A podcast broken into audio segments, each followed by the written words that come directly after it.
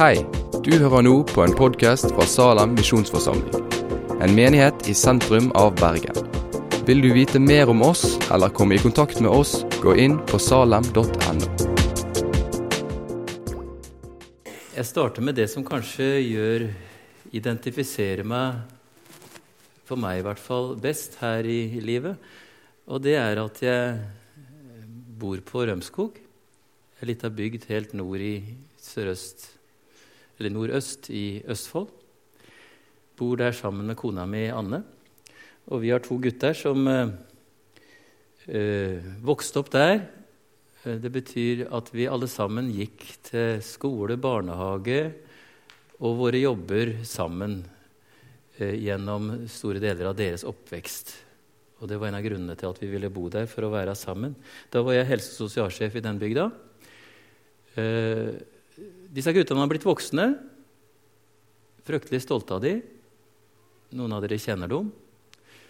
Jens Andreas og Jørgen. Og de har skaffa seg noen flotte damer. En av dem, faktisk den yngste, damer, det betyr at de gifta seg, eh, er fra Sotra. Sånn at det er liksom linken min også hit til, til bergensområdet. Eh, og jeg har fått tre barnebarn. Eller de har sørga for at jeg har fått tre barnebarn. Det er nok det viktigste jeg kan si om, om meg sjøl, som jeg kjenner at uh, forteller i hvert fall meg hvem jeg er, i størst grad.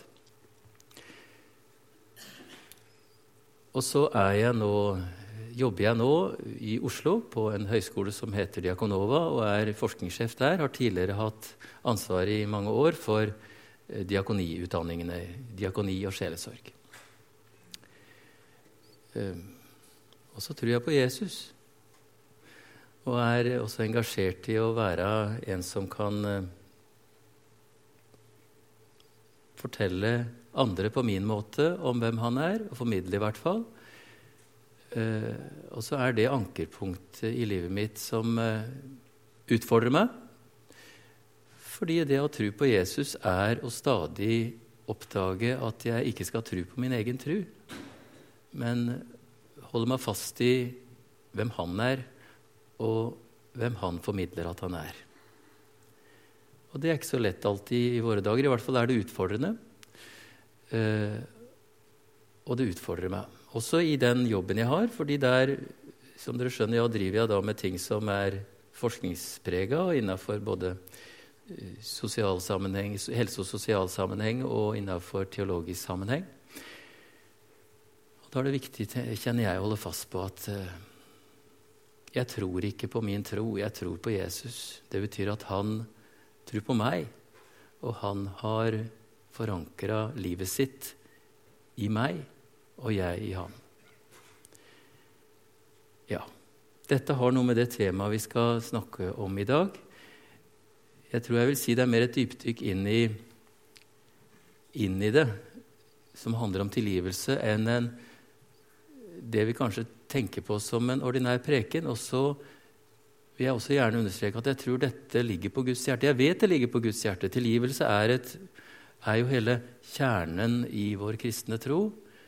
Og Derfor er det så viktig å snakke om det, og kanskje også om mulig utvide eh, noe om eh, hva det handler om. Det jeg håper og har bedt om, er at det jeg skal si, skal skape undring hos deg som gjør at du har muligheter til også å se er tilgivelse mer, eller kanskje noe annet, enn det jeg har båret på. Grunnen til at jeg har dykka ned i det, det er ikke først og fremst fordi jeg har satt meg ned og filosofert over det. Det er fordi jeg har møtt mennesker uh, hvor dette har blitt vanskelig. Det har blitt vanskelig med gudstilgivelse, ja, men det har først og fremst blitt vanskelig med det å tilgi når en har opplevd og blitt ramma av dype sår. I mitt landskap så har det handla mye om mennesker som har vært utsatt for seksuelle krenkelser, og primært kanskje i kirkelig sammenheng. Men også i den samme sammenhengen det å tilgi seg sjøl for det som har skjedd, og det som er, livet har blitt fylt av. Det jeg skal snakke om, det er tilgivelse, som for meg er et av de vakreste ordene jeg kan tenke meg. Som er sjølve grunnsteinen og grunntonen i Guds frelse. Eh, han møter oss sånn at livet vårt kan være i fellesskap med Gud, i fellesskap med Jesus. Eh, og det skjer på grunnlag av Jesu Kristi forsoningsverk. Det er fundamentet for at jeg kan stå her, for at vi kan være her som en forsamling som også kan tro at Jesus er her og skaper oss til sitt legeme. Så er det to bibelvers som jeg vil forankre dette som jeg vil kalle jubeltonen i Guds ord, evangeliet i Guds ord, at tilgivelsen er oss gitt ifra Gud. Oppgjøret er gjort. Jesaja beskriver dette Det var denne Bibelen, da. Jeg glemte det i går, jeg. Jeg var her sammen med ungdommen i går.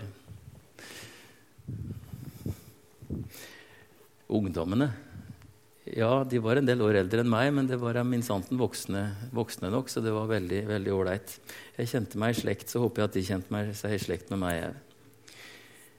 Det står i Jesaja eh, 55, det første verset der. Kom alle tørste, kom til vannet. Dere uten penger, kom og kjøp korn og spis. Kom, kjøp korn uten penger, vin og melk uten betaling. Et fantastisk ord fordi det sier noe som ikke er mulig, nemlig at vi skal kjøpe og betale uten å ha noe å betale med. Det sier noe om at det kreves betaling, det kreves et type salg, men det kan kjøpes uten penger, uten at vi gir noe igjen. Dette er grunntonen i den dyrekjøpte tilgivelsen. Og så fortsetter vi med det verset som vi kjenner så godt ifra Herrens bønn, nemlig der Jesus lærer oss å be at vi skal tilgi vår skyld, slik også vi tilgir våre skyldnere. Vi ber Han om å tilgi oss vår skyld, slik også vi tilgir våre skyldnere. Og så fortsetter han Vi kan liksom ikke stikke av fra det, fordi han fortsetter umiddelbart etter bønna med å si For dersom dere tilgir menneskene deres misgjerninger de har gjort, skal også deres himmelske Far tilgi dere. Men dersom dere ikke tilgir menneskene, skal heller ikke deres Far tilgi de misgjerningene dere har gjort. Disse to orda er på en måte forankringspunktet i det som jeg skal si. Um, og så er det da en virkelighet som vi kjenner, noen av oss, og kanskje du også kjenner for din egen del, at tilgivelsen blir vanskelig. Den blir for vanskelig, den oppleves umulig. Og det handler om rett og slett å ha blitt ramma eh, av noe som har satt så dype sår at en ikke kommer til rette med det og heller ikke kommer til rette med den som er ansvarlig for å ha påført meg disse dype såra. Eller påført noen som du står nær. Og så handler det om noe som i hvert fall, Ja, begge deler for så vidt, men primært eh, skammen jeg skal komme tilbake til under det som er seminar eller voksne søndagsskole etterpå, nemlig forholdet mellom skam og krenkelser. Det handler om hvordan skyld og skam forunderlig nok preger den som prøver og tenker at 'jeg skulle jo ha tilgitt', for det står i Bibelen at jeg skal tilgi. Og så bærer en på så stor grad av skyld og skam over det som har skjedd, at det gjør tilgivelsen umulig. For hvem skal jeg tilgi? Jeg bærer på noe som jeg ikke kan tilgi mitt eget liv. Noe som er for vanskelig, for krevende, for dyptgående, og Derfor så blir jeg forvirra og kanskje også kjenner at jeg ikke makter, og på en måte heller ikke vil, eh, tilgi den som har gjort meg det vonde.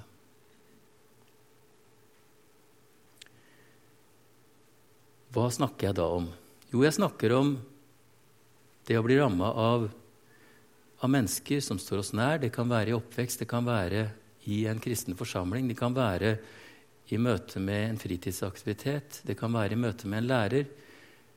Ja, det kan være i møte med livet, rett og slett. Det vi, det vi, det vi møter der, en arbeidsgiver som har påført meg noe som gjør at jeg opplever meg tråkka på. Så dypt tråkka på, så dypt såra, at, eh, at det, det, ligger der og er noe jeg bærer med meg, selv om det kanskje kan være mange år siden. Det kan være ulike former for påtråkking. Fellesnevneren er at det tråkker over mine grenser. Det kan være av seksuell art, som, dere, som jeg sier jeg har jobba med. Det kan like gjerne være av åndelig og psykisk art. Det kan være ulike former for å bli tråkka på. Men det handler først og fremst om at det er satt dype, dype spor. Og så er det en vei vi lengter etter, tror jeg alle, nemlig en vei ut av dette, som gir det vi kan kalle livsforsoning rom. Der dette blir noe som vi ikke lenger er prega av. Det blir en historie i den forstand at det er noe som hører fortiden til, men det er ikke noe jeg bærer med meg som det som stadig trykker og oppleves som en tung ryggsekk i hverdagen i dag.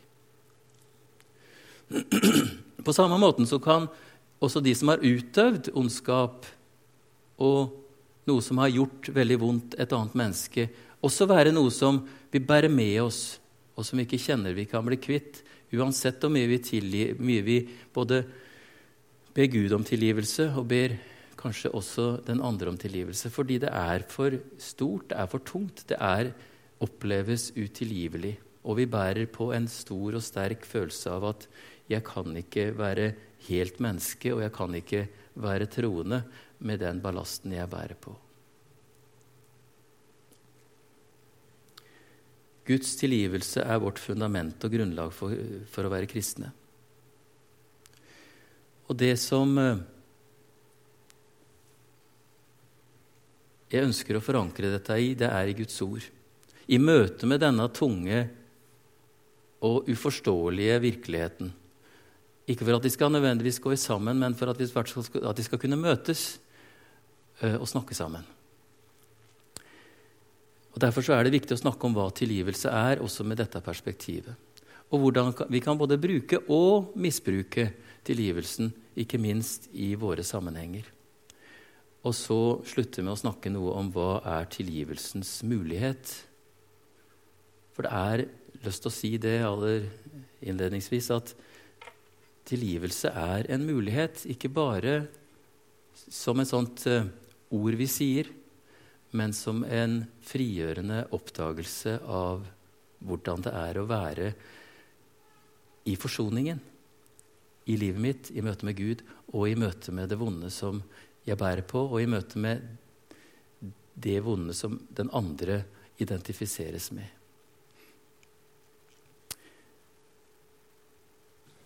Vi ber en bønn.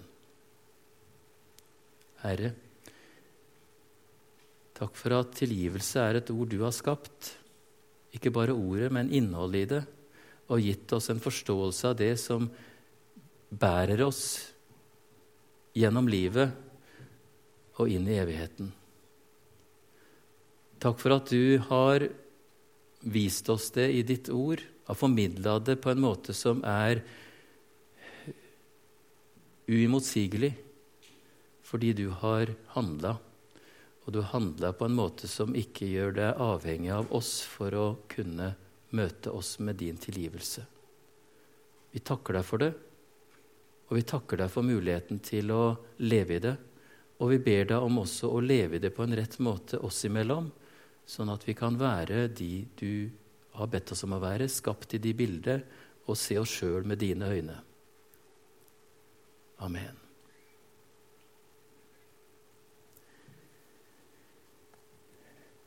Jeg starter med en liten invitasjon til dere. Um, en ettertanke som målet er å føre dere inn i deres eget landskap, der dere lever. Uh, og, og enten å, i stillhet eller i samtale med den som sitter ved siden av deg, Eh, reflektere over, tenke over uh, hva er tilgivelse og forsoning? Når jeg tenker på at jeg kan ha såra eller har såra eller krenka et medmenneske. Eller at jeg var blitt såra eller krenka av et medmenneske. Eller at jeg strever med å tilgi meg sjøl. Vi gir hverandre to minutter, tenker jeg, til å ha den ettertanken for å forankre temaet i noe som angår deg og meg. Vær så god, og Vil dere snakke sammen, så gjør dere det. Hvis dere vil bare sitte og grunne, så gjør dere det. Stillhet er utfordrende. Stillhet er utfordrende. Og samtidig er det det stedet der kanskje Gud har spesielt sagt at de skal møte oss, ifølge Elia. Han møtte han i den skjøre stillhet, og det er det i hvert fall jeg inviterte dere til å gjøre, å møte dere sjøl, og i lys av og nettopp at Jesus er til stede i det livet som du nå kjenner på.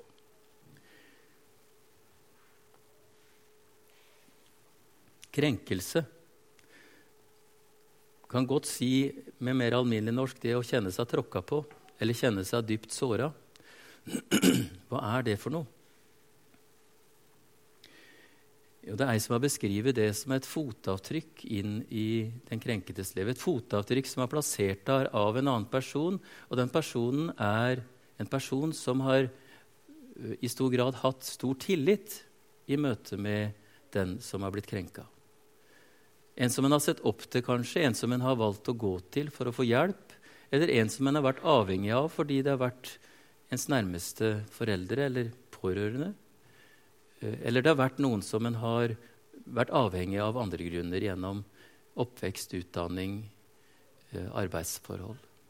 Mennesker som en har sett opp til, som har stor tillit, men som har benytta seg av den tilliten til å tråkke, sånn at det har satt dype, krenkende spor i livet et fotspor som er plassert der. Og så vet vi at der det er holdt på å si, organisk grunn, der det ikke er asfalt, der vil et fotavtrykk svært ofte sette spor.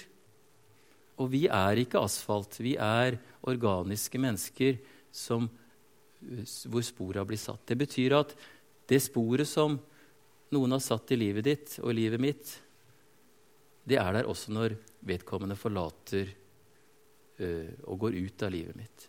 Det betyr at det fester seg. Og det er det utfordrende ved nettopp den type sår og krenkelser som vi nå snakker om.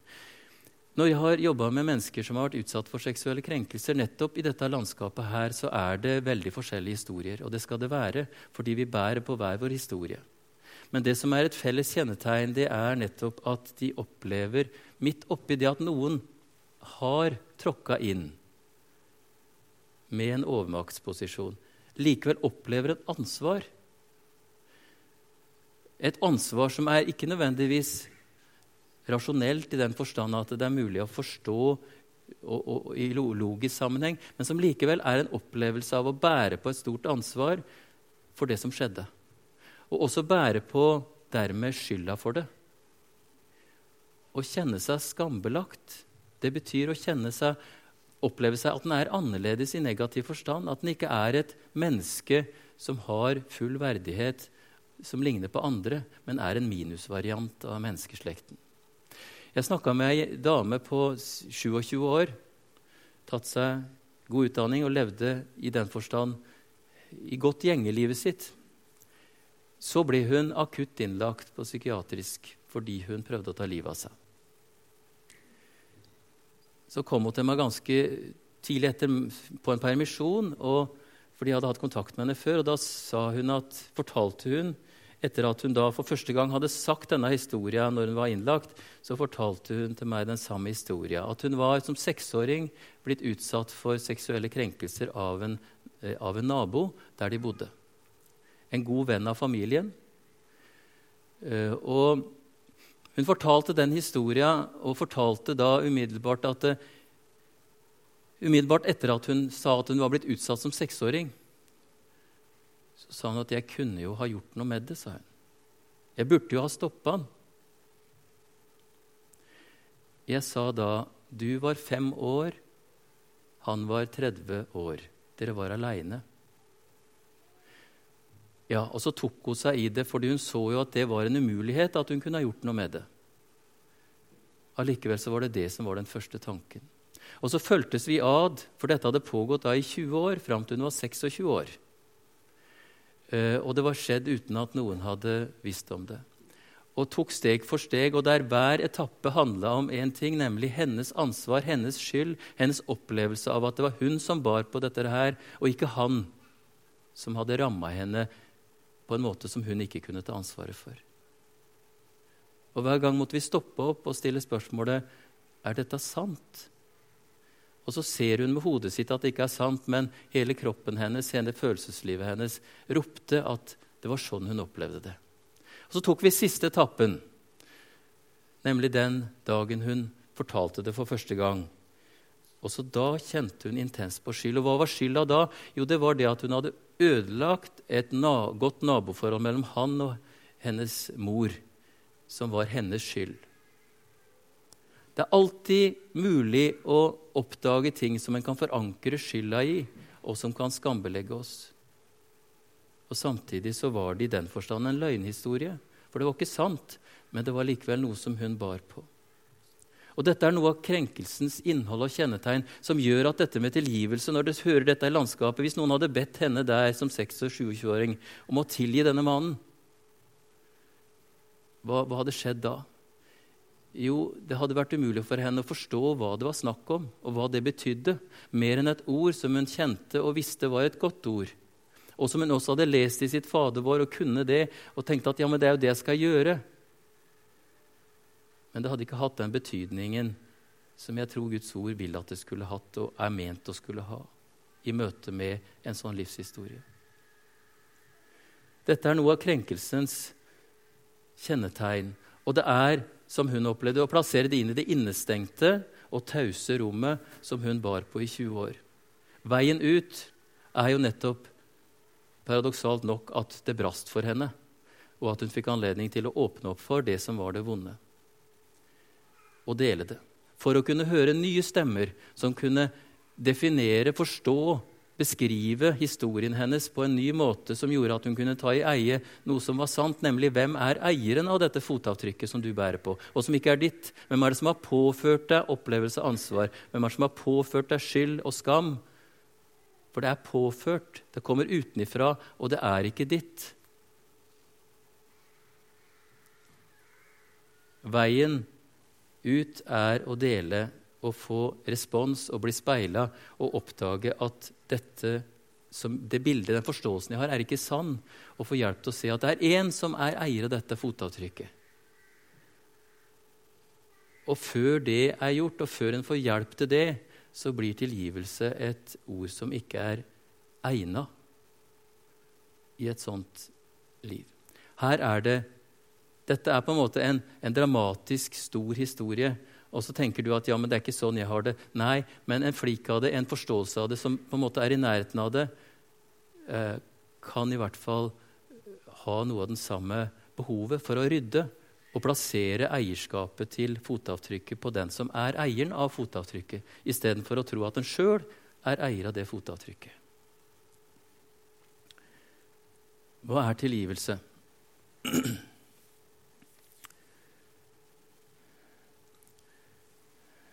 Mannen hadde vært hennes åndelige leder. Han hadde krenka henne gjennom seksualiserte handlinger.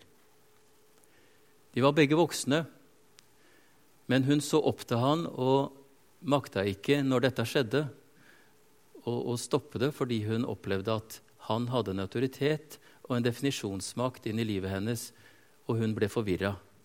Og så greide hun til en viss grad å stoppe det fordi det skjedde på, på en distanse som gjorde det. Men allikevel så opplevde hun at dette hadde satt dype, dype spor. Det hadde krenka henne, det hadde såra henne, det som hadde skjedd. Hun fortalte han det, og han sa, etter å ha tenkt seg om, 'Kan du tilgi meg?' Og så sier hun, 'Ja'. Og så fortsetter hun når hun snakker med meg om dette her, for det er jo en kristenplikt å tilgi. Samtidig visste hun da følgende når hun sa det, at han, hennes tilgivelse oppfatta han først og fremst som en garanti for at, for at dette ikke skulle bli sagt utover den samtalen de imellom. Han oppfattet det som en garanti for at han kunne beholde sin tillitsposisjon og være i, på en måte, i samme uh, posisjon uten å måtte bære noen konsekvenser av det som han hadde gjort. Hun på sin side visste at hun fortsatt måtte bære på ansvar, skyld, skam for dette her. Det var konsekvensen for henne av å si 'ja, jeg tilgir deg'. Er det tilgivelse? Er det den måten vi skal etablere tilgivelse oss imellom? Dessverre så har vi nok bidratt noen og hver til å gjøre det fordi vi har hatt for dårlig tid. Vi har hatt et behov for å rydde opp. Vi har hatt et behov for å få det til sånn som det var, og få, det, få, få, få virkeligheten tilbake som om det er mulig. Tilgivelsens innhold og kjennetegn er at den er radikal. Den er radikal på den måten at den alltid er et før og et etter, og imellom der så skjer det noe som gjør at det er en stor avstand imellom det som var før, og det som er etter. Det har skjedd noe som gjør at virkelighetsforståelsen er endra. Hva er tilgivelse? Fader vår sier at vi skal tilgi. Som Gud. Det er ganske sterkt. Men det er det Jesus sier. Vi skal tilgi som Gud. Det betyr at vi kanskje da må venne oss til, nettopp til Guds posisjon for å kunne finne ut hva er det også å tilgi for oss. Vi må oppdage på nytt hva er Guds tilgivelse, hva inneholder Guds tilgivelse. Og Da har jeg lyst til først å slå i hjel noe som jeg tror vi, vi, vi, sier til hverandre som ikke er sant, nemlig at Guds tilgivelse er betingelsesløs. Er ikke det sant, da? Nei, det er ikke sant. Guds tilgivelse er ikke betingelsesløs. Tvert imot så er den svært betinga. Men det som er spesielt med Guds tilgivelse, det er at han selv har oppfylt alle betingelsene for å tilgi. Derfor kan han gi oss den betingelsesløs. Han kan gi oss det. Han kan, han kan la oss kjøpe uten å ha penger. Fordi han har pengene som han gir til oss, og vi kan kjøpe tilgivelsen. Han har rydda opp, han har ordna opp. Han har tatt oppgjøret, han har tatt makt makten i det å kunne tilgi. Det er det som kjennetegner Guds tilgivelse. Og Det er i det landskapet vi må være hvis vi også skal oppdage hva er det det handler om når vi snakker om å tilgi hverandre. Guds tilgivelse er betinga i hvert fall av to ting. Det ene er et oppgjør. Jesus døde på korset. Jesus levde et liv for oss og lever et liv sammen med oss. Det er Guds betingelse for å kunne tilgi oss. Så er Gud Gud. Det betyr at han kunne gjøre det i forskudd for de som levde før Jesus døde, og han gjør det for oss i etterskudd at Jesus døde. Men poenget er at hele veien så er det oppgjøret som er en betingelse for Guds tilgivelse. Så jeg har tenkt på det det er ikke akkurat så veldig teologisk fundert, men er, jeg syns det er godt sjelesørgerisk tenkt. Og det er at da Adam og Eva synda og egentlig etablerte behovet for et oppgjør, så var jo det allerede der og da eh, beskrevet og forskuttert ved å si at, at, at eh, det skulle skje. At kvinnens sæd skulle rydde i denne, dette som hadde skjedd. Mannens sæd, men jeg skulle gjøre det. Men så gikk det jo ganske mange tusen år, da. Fra, eh, fra Adam og Eva synda og til Jesus kom og døde på korset. Og da har jeg tenkt sånn at hvis Gud hadde så god tid, så trenger vi kanskje å lære at vi skal ha tid og tålmodighet med hverandre når vi stadig er opptatt av at vi skal tilgi. Kanskje Gud har raust rom for oss til å kunne gå den veien som vi trenger kanskje de åra og kanskje tilnærma et menneskeliv for å kunne komme til rette med dette her og kunne, kunne, kunne møte, møte tilgivelsen, også muligheten i vårt liv. La oss vise hverandre den rausheten. Det andre betingelsen som Gud har for å tilgi. Det er at han hadde makt til å tilgi. Det er så opplagt for oss at vi ikke engang tenker på det. Det er klart han hadde makt, for han er jo Gud. Men det er likevel en avgjørende betingelse for å kunne tilgi at han hadde den makten. At han hadde muligheten i det hele tatt til å kunne gjøre det. Jesus viser oss det. Jesus tilgir både skyld og synd i sitt menneskeliv her på jorda. Men det er én gang han ikke gjør det. Og han demonstrerer synes jeg, for oss at, han, at, at, at, dette er viktig, nemlig når han henger på korset. For da sier han ikke 'tilgi dem, for de vet ikke hva de gjør'. Han gjør ikke det. Han sier 'Gud, tilgi du dem for det de gjør, for de vet ikke hva de gjør'. Altså Han henvender seg i sin menneskelig sett avmaktssituasjon til Gud, som er i maktens posisjon, og ber Han om å tilgi. Nettopp for å demonstrere, tenker jeg, for oss at han hadde ikke makt der og da til å tilgi. I hvert fall viste han de menneskene som hørte, at han demonstrerte det. Hva betyr ordet tilgivelse?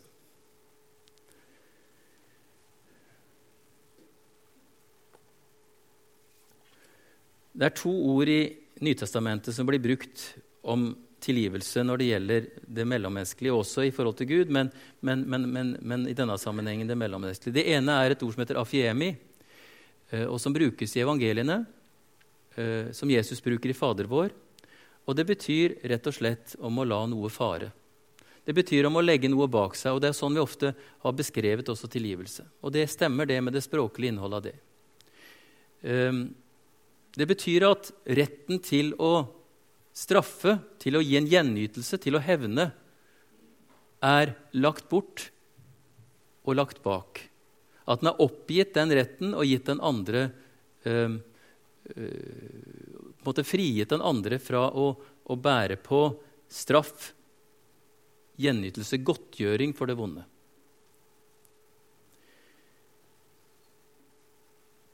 Et slikt oppgjør um, eller en slik, en slik, beskrivelse bekrefter nemlig at det er, forutsetter at det er en som er skyldig, og at ansvaret er plassert. Og at ansvaret er plassert ikke bare sånn på tomannshånd i et lukka rom, men for alle det angår. Og det er alltid flere enn de to det angår, fordi begge parter har noen som dette har ramma i indirekte forstand, nærstående, og kanskje, i, når vi snakker om det her, en hel forsamling hvor en har misbrukt sin tillit. Å la noe fare handler om å ta et oppgjør som gir, plasserer ansvar, eh, og gjør at den som er ansvarlig, også blir ansvarlig, og i den forstand må bære konsekvensene av ikke lenger å ha tillit i den samme grad og samme form som tidligere. Det andre ordet er henta fra Paulus sin beskrivelse. Når han snakker om tilgivelse, så bruker han et gresk ord som heter karitsomai, og det betyr å vise sjenerøsitet og vise raushet. Og det synes jeg understreker noe av det andre poenget, dette med makt. At det er veldig vanskelig for mennesker som er i en sånn opplevelse av å ligge under maktmessig, om mulig i det hele tatt, å vise sjenerøsitet. Vi er avhengig av å komme i balanse. Vi er avhengig av å oppleve at vi er, har distanse til, opplever at vi er oss og du er deg, og at vi kan i det møtet, i en type i hvert fall opplevelsesmessig jevnbyrdighet, kunne formidle at ja, jeg viser en sjenerøsitet jeg lar deg få lov til å være deg uten at jeg skal bruke noen krefter og, og, og, og, midler til å ramme deg.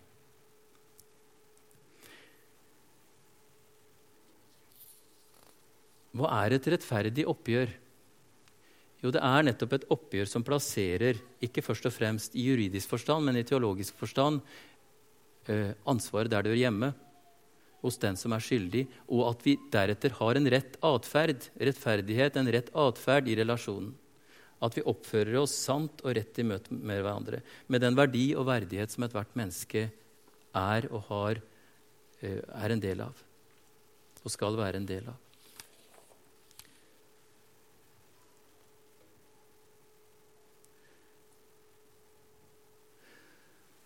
Misbruk av tilgivelsen, hva kjennetegner det? Jo, det er en overskrift er når vi bruker tilgivelsen for å opprettholde status quo. Når vi vil ha det til å være sånn som det er. Hva betyr det? Jo, det er at den mektige selvforståelse er uendra. at den tilgittes posisjon er uendra, altså den som har gjort, den som er ansvarlig. At når den som tilgir, må bære konsekvensene. Det er kjennetegnet ved at status er quo. For et oppgjør forutsetter at skift, noe, noe, skifter eier. Og det er det som jeg gjerne ville bruke de siste minuttene til. Og det er først bare å beskrive de tre premissene. Et åpent oppgjør. At den krenkede er fri fra påført skyld og skam. At den har fått hjelp til å komme ut av det, den, den, den sjølforståelsen av å være bærer og ansvarlig, og dermed også være skyldig og grunnlag for å skamme seg. Og at den relasjonelle maktubalansen er fjerna. At naboen ikke lenger er en maktperson i livet til jenta, men at den har flytta til Oslo og fått en avstand fysisk, og også reelt kan, kan, kan eh, se at nå er ikke vedkommendes makt i livet mitt lenger styrende. Hva er tilgivelsens mulighet? Og Jeg har lyst til å gi dere til slutt to historier som illustrerer det. Den ene historien kan vi, hvis dere er liksom interessert i sånn faglitteratur, og sånn, det skal dere slippe å være, men dere kan jo få det dere som vil, så er det en som heter John Patten, som har skrevet en bok som heter Is Human Forgiveness Impossible? Hvor han tar tilgivelsen på alvor i forhold til ikke minst skammens vesen.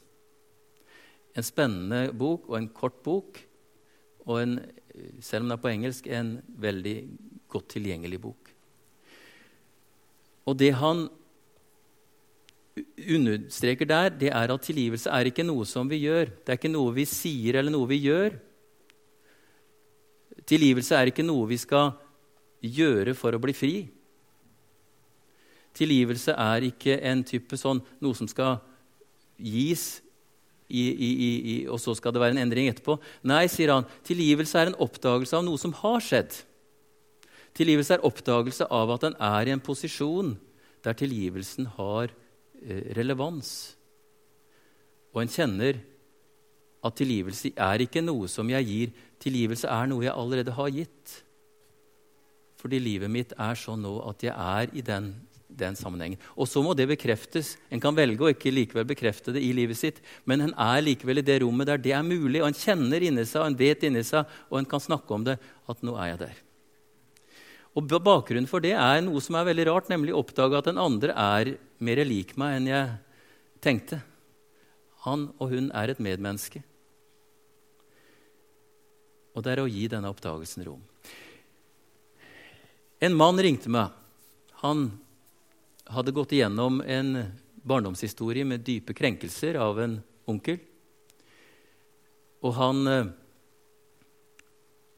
som voksen hadde han tatt et oppgjør med det. Det hadde vært en rettssak, og vedkommende var dømt og var sittet inne og hadde erkjent hva han hadde gjort. Det hadde gått ti år fra rettssaken. Og jeg hadde hatt kontakt med ham i hele den tiårsperioden. En dag så ringte han meg og sa Tormod, nå er jeg klar. sånn. Og Jeg skjønte ikke meteren hva han var klar for, men han, han forklarte meg at han var klar til å møte overgriperen sin, og så skal jeg levere tilbake den dritten han har gitt meg. sånn. Dette er mannfolkspråk. Sånn snakker ikke jenter. Eh, men dere har deres eget språk. Han var en handlingens mann, så han ville dra prompte ut til han og si det til nå. og nå var han klar. Og Da stoppet han og sa at nei, det skal du ikke. For det første så kan jeg tenke meg å være med. For det andre så skal vi møtes på et nøytralt sted. Ja, Vi var enige om det, så vi arrangerte det. Og vi møttes på et, et, et, et, sted som ikke var noe særlig hyggelig. Det var ikke et mål, det, men det var litt småkaldt der. Og, og, så videre. og vi satt der vi tre. Jeg satt helt stille uten å si et ord, og de satt med ansiktet mot hverandre. Og da sa denne som var utsatt for overgrep, du, du veit hva du har gjort imot meg. Og han som var overgriper, krenker, han var klok nok til å tie og, og nikke. Ja, jeg veit hva jeg har gjort imot deg. Ja, nå er jeg ferdig med den dritten, så nå leverer jeg den tilbake. Så han også gjorde den bevegelsen. Han leverte tilbake til eieren det som var fotavtrykket i livet hans. Fordi han oppdaga at nå var jeg i stand til det. Så ble det helt stille. Begge to sa ikke et ord. Når mannfolk snakker om viktige ting, så har en tendens til å bli stille. Jeg vet ikke om dere har merka dere det. Det er liksom ikke så mange ord alltid, men de ordene som blir sagt, er ganske viktige. Så reiste de seg, for det var ikke så mye mer å si, men da sa likevel denne som har vært utsatt, sa at du, jeg tror ikke vi skal være så mye sammen i framtida heller. Og jeg tror ikke vi kommer til å bli noe særlig gode sånn bestevenner som skal vanke sammen. Men Og det oppdaga han der og da. Plutselig så sa han at men du, 'Jeg ønsker deg et godt liv'. Og så gikk de fra hverandre. Ser dere oppdagelsen? Ser dere tilgivelsen? Ser dere frigjøringa? Ser dere hvordan livsforsoninga springer ut? Ikke bare hos den som var krenka, men også hos den som var krenkeren. Det var et møtested som var et tydelig før og etter. Nå nærmer jeg meg grensa. Den siste historia som jeg har lyst til å gi dere, det er fra en annen mann som var også utsatt for seksuelle krenkelser over ganske mange år som guttunge. Og på det hele, når han var blitt voksen, så var han blitt nabo med krenkeren, som jo da var en sambygding og, og levde tett på. Og han hadde store problemer med å tenke seg den, det, det, livet, at de skulle bo ved siden av hverandre ut fra det som hadde skjedd, og ut fra at det var avdekka og rydda i sånn ytre sett. Men han valgte å bo der, og de valgte å bo der, og han ikke minst han laga tydelige regler som jeg formidla til krenkeren og overgriperen, om at du holder deg unna. Han hadde sønner på den alderen som han var blitt utsatt for overgrep, så det var ganske touchy. Og Unga de fikk ikke lov til å gå den veien forbi det huset, så de hadde på en måte klare regler, og det fulgte de på begge kanter. Og han viste en tydelig respekt, denne overgriperen, for de reglene som var, i handling. Og det er handlinger som sier hva som er sant her. Så hadde det gått noen år siden dette, denne avtalen var gjort. Og de, dette er på landsbygda, så det hender at en pløyer jorder. Eh, og han som var blitt utsatt, han pløyde jordet sitt. Og så kjørte han forbi han som var overgriper. Og så så han han satt der på trappa eh, og knytta skoa, en sånn hverdagsscene. Og så ringte han meg dagen etter og så sa han, du, Tormod, veit du hva jeg gjorde i går? Han hørtes veldig forbausa ut. Nei, det visste jeg jo ikke, så han fortalte jo. Jeg kjørte forbi han, og han satt der, og så fortalte han denne scenen. Og så sa han, vet du hva jeg gjorde? Jeg tok og hilste på han, sa han. For han var jo en alminnelig kall, en alminnelig mann som satt der. Han oppdaga at dette var en som han kunne forholde seg til og handle også i form av å hilse på han som et menneske som ikke lenger hadde makt i livet hans, som ikke lenger satt på skuldra hans og hviska ting inn i øret hans som var løgnhistorier. Men han var ute av livet hans, og da kunne han nettopp gjøre det. En annen som har skrevet om til livet, som heter Miroslav Walf. Han har skrevet en bok som heter 'Exclusion or Embrace', eller motsatt. Han bruker historien om den bortkomne sønn eller den lengtende far som en illustrasjon på akkurat dette. Og da sier han at tilgivelse kan illustreres i fire scener henta fra den bortkomne sønnen. Den første scenen er at far springer. Og far er en lengtende far. Og far er i maktens posisjon, selv om han har en sønn som har eh, eh, tatt utløst arven på en lite ålreit måte og kommer tilbake som en fattigkar som har brukt opp alt sammen. Han er likevel den som er i maktens posisjon. Han ser sønnen sin, og han springer. En flagrende, gammel far. Ikke noe særlig godt bilde tror jeg, for de som står rundt. For det er ikke sånn en, sånn en ærverdig far skal skulle i hvert fall den gang oppføre seg. Han sprang. Og jeg tror han sprang sånn. Åpne armer. Og han kom nær til sønnen, og da tror jeg det skjedde Han kasta seg ikke bare om ham, det står det, men jeg tror det var et mikrosekund før han gjorde det. Fordi han måtte sense vil denne sønnen som kommer mot meg, vil han ha faren sin om halsen. Han vil finne ut om er han, er han der at, er, er det i samsvar med hvor han er. For det kunne jo hende jeg tror ikke han tenkte sånn, men ubevisst kunne tenke sånn at det kunne hende sønnen kom tilbake for å få mer penger, og da var det kanskje ikke tidspunkt å kaste ham halsen på hverandre. Det var anklagen og ikke oppgjøret som sto på dagsorden. Men han så og skjønte gutten ville ha en omfavnelse, og han tok han inntil seg, og han holdt han inntil seg. Det er scene nummer to. Først armene ut, så omfavnelsen. Så sto de der det er scene nummer tre. Det, det stoppen er scene nummer to. Men scene nummer tre er nettopp den omfavnelsen. Og når du står da i omfavnelsen, og når to mannfolk omfavner hverandre, så tror jeg ikke vi orker å stå så veldig lenge, selv om det er godt den stunda det varer. Sånn at en må jo bryte opp den omfavnelsen og, og, gå ut av den. Og det er den fjerde scenen. Og hva er det som kjennetegner den? Jo, det kjennetegner en radikal endring fra hva som var, og hva som nå er. Det var en fattig sønn som ikke lenger så seg som sønn, som kom hjem og ba om nåde. Han møtte en lengtende, tilgivende far som tok han inntil seg. Og gjennom omfavnelsen og gjennom å åpne omfavnelsen så omskapte han ham fra å være en som var blitt en sønn som ikke lenger var sønn, til å bli en sønn som var kommet hjem, som fikk ring på fingeren, som, som igjen kunne være i fellesskapet. En radikal forandring. Og det kjennetegner tilgivelsen. En radikal forandring. La oss be. Herre, vi er hos deg, og vi er hos deg med livet våre. Vi ber deg om å være sanne og rette i forhold til hva du forteller oss om hva tilgivelse er, også oss imellom. Jeg ber deg om at du skal fjerne ifra tankeverdenen og følelsesverdenen hos de som er her, det som ikke er ifra deg, sånn at det som er ifra deg, kan sitte igjen om dette. Gi hver enkelt nåde og mot til å leve i tilgivelsen, både i møte med deg og i møte med seg sjøl og i møte med sin neste. Amen.